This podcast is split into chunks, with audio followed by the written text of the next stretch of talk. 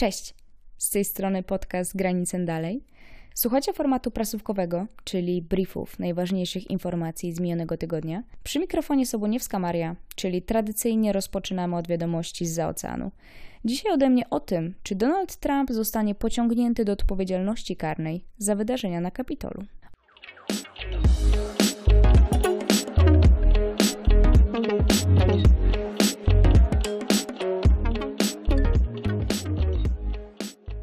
Ostatni tydzień upłynął w Stanach Zjednoczonych pod hasłem impeachmentu Donalda Trumpa. I stało się. Donald Trump został pierwszym prezydentem, któremu dwukrotnie wytoczono zarzuty. Przechodzi do historii, szkoda tylko, że tak niechlubnie. Po wielogodzinnych obradach Izba Reprezentantów przegłosowała w środę wieczorem impeachment Donalda Trumpa. Za zagłosowało 232 kongresmenów przeciwko 197. Co ciekawe, za impeachmentem Trumpa głosowali oczywiście wszyscy demokraci, ale także 10 republikanów. W konsekwencji wychodzi na to, że Izba Reprezentantów postawiła prezydenta w stan oskarżenia, a zarzutem jest podżeganie do rebelii. Jeśli jakimś cudem nie wiecie o co chodzi, to zapraszam do zeszłotygodniowej prasówki, w której krok po kroku wyjaśniam, co wydarzyło się na Kapitolu. Obrady w sprawie impeachmentu odbywały się w wyjątkowo gęstej atmosferze. Wokół Kapitolu zostało wzniesione ogrodzenie, a kongresmeni chronieni byli przez blisko 20 tysięcy członków Gwardii Narodowej. To trzy razy więcej niż łącznie amerykańskich żołnierzy np. w Afganistanie, Iraku, Somalii Syrii. Wszystko to z obawy przed kolejnym atakiem fanatyków Trumpa. Po przegłosowaniu w Izbie Reprezentantów procedura wygląda tak, że artykuł impeachmentu musi trafić do Izby Wyższej, czyli do Senatu. Tam, żeby został rozpatrzony pozytywnie, potrzeba co najmniej dwóch trzecich głosów czyli głosów wszystkich demokratów i co najmniej 17 republikańskich senatorów. I ta perspektywa nie jest zbyt optymistyczna dla tych, którzy chcieliby, by Trumpowi postawiono zarzuty. Pomimo otwartych negatywnych głosów wśród bardzo wielu republikanów, niewiele jednak wskazuje na to, że zarzuty zostaną rozpatrzone pozytywnie. Scenariusz, w którym republikańscy senatorzy głosują za impeachmentem Trumpa, ma sens tylko wtedy, jeśli w obozie republikańskim zapadnie decyzja, że lepszą strategią byłoby odciąć się od Trumpa niż inwestować w niego kolejne lata. Pytanie tylko, czy nie zniechęcił do siebie wystarczająco Amerykę. Senat ma zebrać się dopiero 19 stycznia, czyli na dzień przed zaprzysiężeniem Bidena. Oznacza to, że najprawdopodobniej zabraknie czasu na to, by doprowadzić procedurę do końca. Jednak zdaniem wielu prawników Trump może zostać skazany także po zakończeniu kadencji. Ma to sens chociażby dlatego, że senatorowie mogą nałożyć dodatkową karę, dożywotni zakaz sprawowania urzędu, czyli Donald Trump nie miałby możliwości kandydowania w następnych wyborach w 2024 roku. W naszym kraju nie ma miejsca na przemoc i wandalizm. Żaden z moich prawdziwych zwolenników nie popiera przemocy politycznej. Takie słowa wygłosił Donald Trump. I to było coś zupełnie innego, coś nie w jego stylu. Prezydent został zbanowany na Twitterze, więc wypuszczone zostało nagranie na oficjalnym profilu Białego Domu, na którym wygłosił takie oto słowa, że nigdy nie ma usprawiedliwienia dla przemocy, żadnych wymówek, żadnych wyjątków. Tymi słowami Trump de facto przyznał, że atak na Kapitol to nie był, jak wcześniej utrzymywał, zryw amerykańskich patriotów, a po prostu wandalizm. Wychodzi na to, że w kolejnym tygodniu sprawy jeszcze bardziej nabiorą tempa, dlatego już teraz zapraszam Was za tydzień, gdzie będę mówiła nie tylko o głosowaniu w Senacie za impeachmentem Trumpa, ale także o tym, jak przebiegła inauguracja nowego prezydenta. Dzięki bardzo. Oddaję głos. Strzałeczka.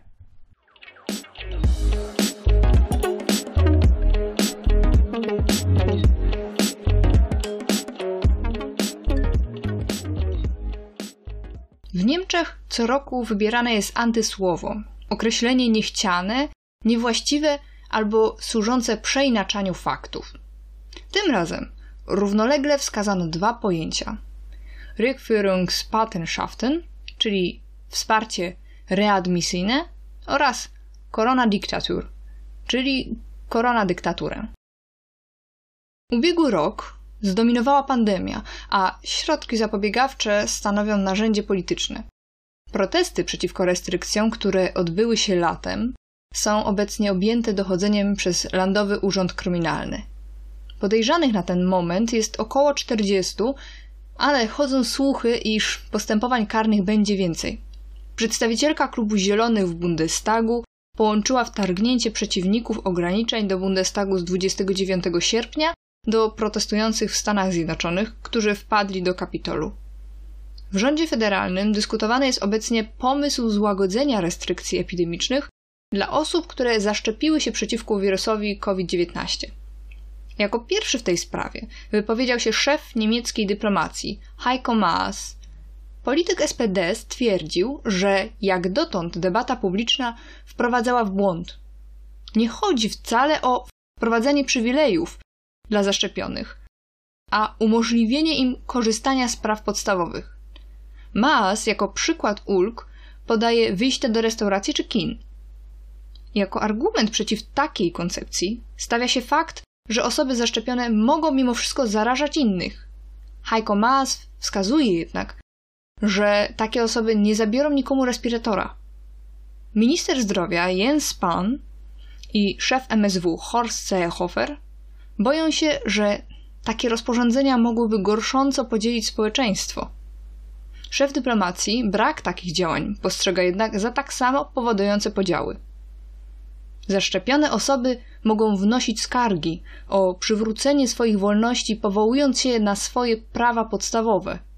I możliwe jest, że sądy nie będą długoterminowo przychylne ograniczaniu praw osób zaszczepionych w ramach solidarności z tymi bez zaszczepienia. Działania rządu Angeli Merkel wobec pandemii nie przez wszystkich były krytykowane, a nawet pozwoliły odbudować poparcie dla CDU-CSU w badaniach opinii publicznej. Nie ulega jednak wątpliwości, że w CDU panuje kryzys. Angela Merkel ma za sobą 15 lat rządów, podczas których bezsprzecznie zdominowała scenę polityczną Niemiec.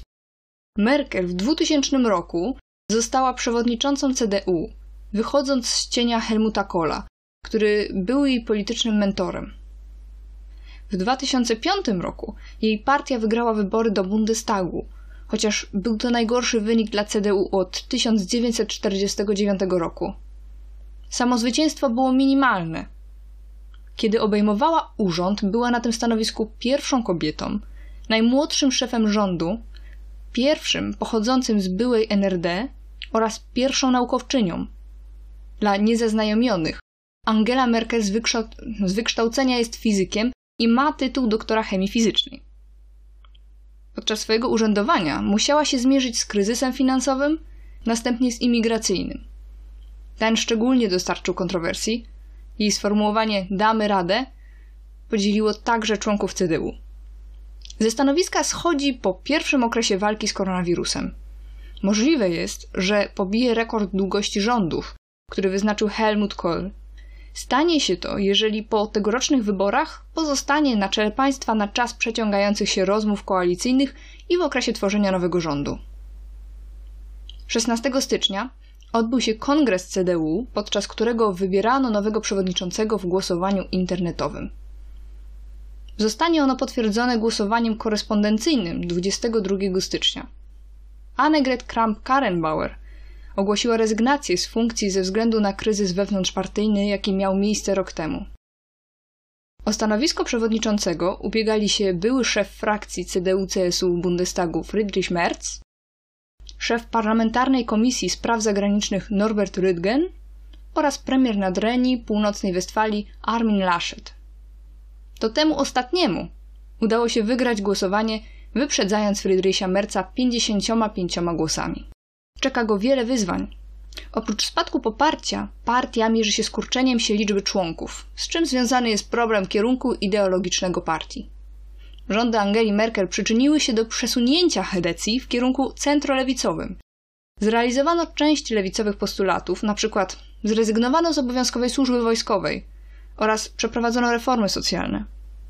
Z tego powodu SPD, druga największa partia w Niemczech, straciła na rzecz CDU ponad 15% głosów. Ten ruch wywołał jednak utratę poparcia wyborców konserwatywnych, którzy zagłosowali na partię skrajnie prawicową, czyli alternatywę dla Niemiec. Laschet opowiada się za umiarkowanym podejściem i jako główny cel partii widzi dążenie do spójności w społeczeństwa, pokój społeczny i społeczną gospodarkę rynkową. Polityk, który silnie współpracuje z ministrem zdrowia Jansen Spanem, podkreśla europejskie i transatlantyckie nastawienie partii. Możemy spodziewać się dążeń do poprawienia zdolności do działania UE i zwiększenia zaangażowania francusko-niemieckiego. Decyzja o przewodzeniu partii nie wskazuje kandydata Hadecji na stanowisko kanclerza. Analitycy widzą na tym miejscu najczęściej Markusa Zydera. Ten popularny lider bawarskiej CSU, to jest odłam CDU, który funkcjonuje w Bawarii, ma duże szanse na nominację.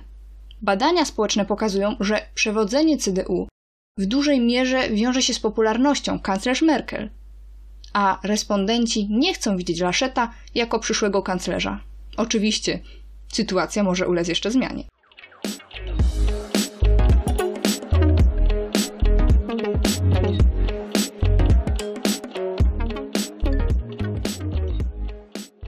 To teraz porozmawiajmy o Europie Wschodniej. A zaczniemy od. Hmm, oczywiście od Białorusi. Znamy imiona części delegatów Wszechbiałoruskiego Zjazdu Ludowego, który Łukaszenka zwołuje w celu dyskusji nad reformą konstytucyjną i wyjścia z kryzysu politycznego. Jak się spodziewaliśmy, przetłaczająca większość delegatów to są lojalni wobec reżimu pracownicy sfery budżetowej. Ponad połowę składu zjazdu będą składali urzędnicy różnych szczebli. Wśród wszech Białorusinów także są byli członkowie komisji wyborczych, w których doszło do sfałszowania wyników wyborów. Jednakże tematem przewodnim ostatniego tygodnia na Białorusi była wizyta René Fazera, prezydenta Międzynarodowej Federacji Hokeja na Lodzie, który przyleciał do Mińska i spotkał się z Łukaszenką.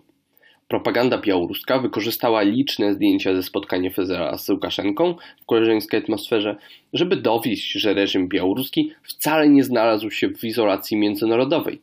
Tematem rozmów Fezera i Łukaszenki była oczywiście kwestia Mistrzostw Świata w hokeju na lodzie, które miały się odbyć w tym roku w Mińsku.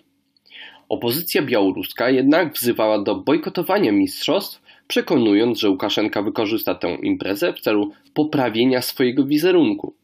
Diaspory białoruskie lobbowały bojkot turnieju, zresztą dość skutecznie. Sponsorzy mistrzostw, m.in. Nivea i Szkoda, odmówiły sponsorowania imprezy, jeśli odbędzie się ona w Mińsku. Stąd też zdjęcia wdzięcznych Białorusinów z produkcją Nivei e, w sieciach społecznościowych. W poniedziałek, 18 stycznia, Federacja Hokeja zadecydowała, że Mistrzostwa Świata zostaną przeniesione z Mińska do innego miasta przez problemy z ochroną i bezpieczeństwem. W sieci pojawiło się nagranie, na którym prawdopodobnie Mikołaj Karpiankoł, były szef białoruskiego Głównego Urzędu do Spraw Walki z Przestępczością Zorganizowaną i Korupcją, a obecnie szef wojsk wewnętrznych, rozmawia ze swoimi podwładnymi. Rozmowa prawdopodobnie miała miejsce jesienią 2020 roku. Karpianką mówi, że protestujący są terrorystami, a więc zbędnymi ludźmi w państwie, a więc można używać wobec nich ostrą amunicję. Prosto w czoło, w twarz, żeby już nigdy nie wyszli na ulicę. W jednym z fragmentów Karpianką mówi o tym, że Łukaszenka nie odchodzi, bo się boi o przyszłość siłowików, bo jak odda władzę, to struktury siłowe zostaną rozwiązane. Karpienką także mówi, że głównym celem siłowików jest obrona wszystkich prezydenta, jego rodziny, otoczenia, deputowanych oraz urzędników.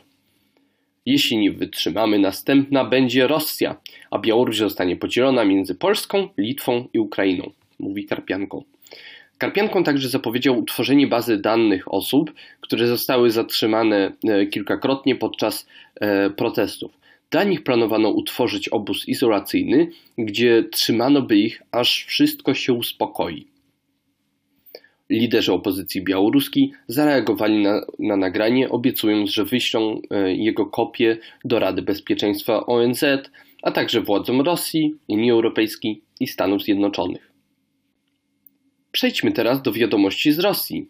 W niedzielę, 17 stycznia, do Rosji wrócił lider opozycji Aleksiej Nawalny. Władze rosyjskie z rana zaczęły się przygotowywać do jego powrotu. Zmobilizowano liczne oddziały służb bezpieczeństwa oraz ściągnięto je do portu lotniczego Wnukowo. Prewencyjnie aresztowano aktywistów, zainstalowano barierki utrudniające dostanie się na, haru, na halę przelotów na lotnisku e, Wnukowo. E, policja nie wpuszczała na lotnisko osoby nie mające biletów, Mimo to zgromadził się duży tłum oczekujący na Nawalnego. Odbyły się aresztowania, m.in. ponad 50 aktywistów i dziennikarzy. W końcu samolot z Nawalnym przekierowano na lotnisko Sheremetyevo, e, gdzie podczas kontroli dokumentów Nawalnego zatrzymano. Następnego dnia, prosto w sali posterunku policji, odbyło się posiedzenie sądowe, w wyniku którego skazano Nawalnego na 30 dni aresztu. W najbliższym czasie warto się spodziewać wysunięcia przez władze rosyjskie nowych oskarżeń wobec Nawalnego. W tym czasie zwolennicy Nawalnego zapowiedzieli protesty w całej Rosji, które mają się odbyć 23 stycznia.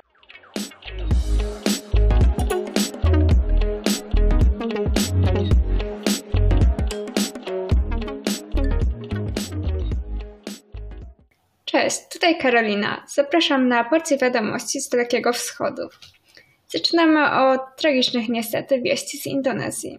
Tę krainę nawiedziła w ostatnim tygodniu seria trzęsień ziemi, sięgająca swoją siłą nawet do ponad 7 stopni w skali Richtera.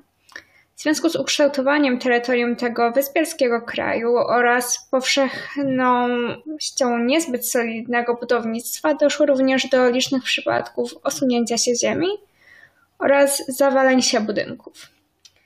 Akcja poszukiwawcza uwięzionych przez Gruzy ofiar została dodatkowo utrudniona przez powodzie, do których dochodziło przede wszystkim we wschodniej części największej wyspy tworzącej Indonezję, czyli Jawy.